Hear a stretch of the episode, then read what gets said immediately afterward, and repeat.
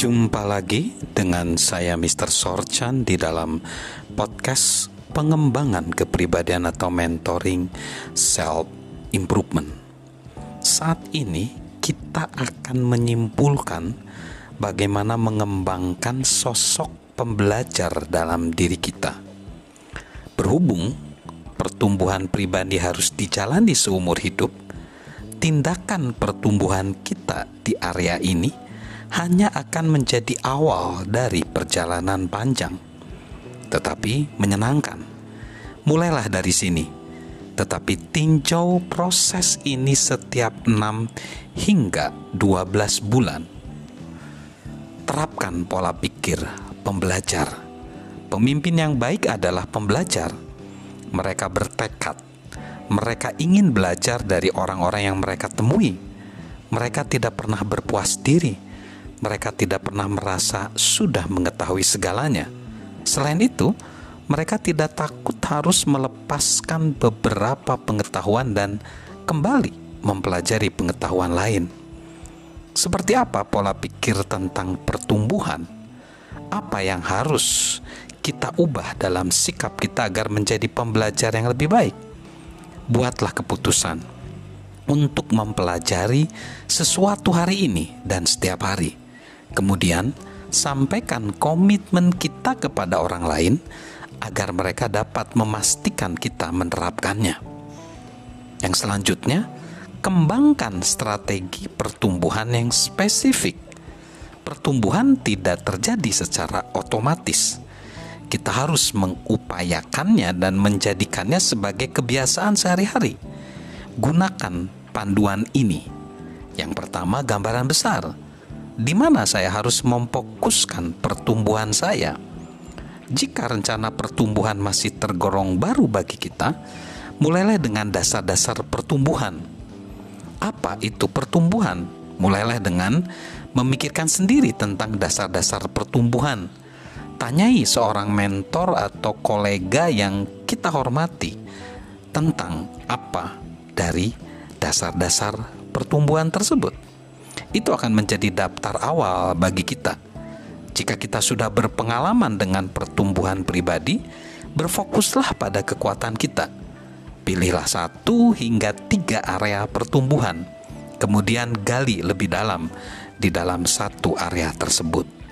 Yang kedua, ukuran. Bagaimana saya bisa mengukur dan mempengaruhi pertumbuhan saya? Bagaimana kita tahu bahwa kita sudah bertumbuh? Bagaimana kita mengukur pertumbuhan kita.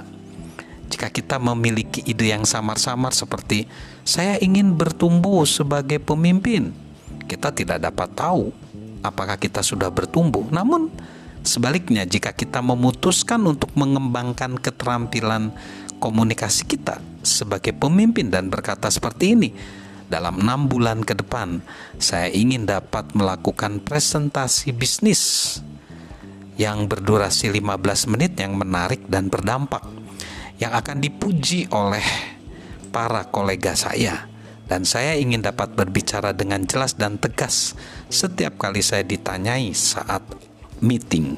Maka jelas pertanyaan pernyataan tersebut targetnya terukur dan bisa dicapai. Yang ketiga konsistensi. Bagaimana saya bisa bertumbuh setiap hari?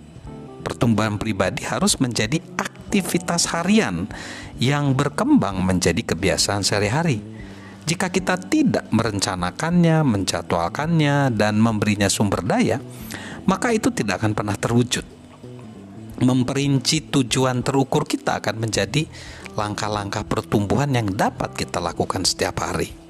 Lalu penerapan, dapatkah saya menindaklanjutinya?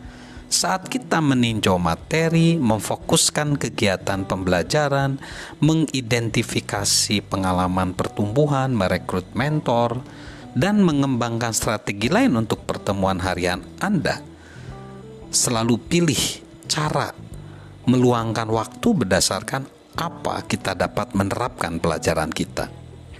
Jadi, sarannya adalah kita menilai kembali target pertumbuhan kita secara reguler setiap tiga bulan, enam bulan, atau satu tahun.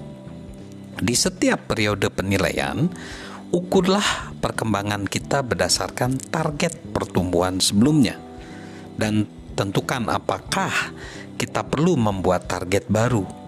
Seperti yang sudah dijelaskan, lakukan setiap tahun di minggu terakhir bulan Desember misalnya. Coba tolong temukan ritme kita sendiri dan ingat ini bukan aktivitas sekali dikerjakan langsung jadi. Ini dapat dilakukan setiap tahun sepanjang hidup kita. Salam untuk menjadi pribadi yang bertumbuh, memaksimalkan potensi kita. Salam sukses luar biasa dari saya, Mr. Sorchan. thank you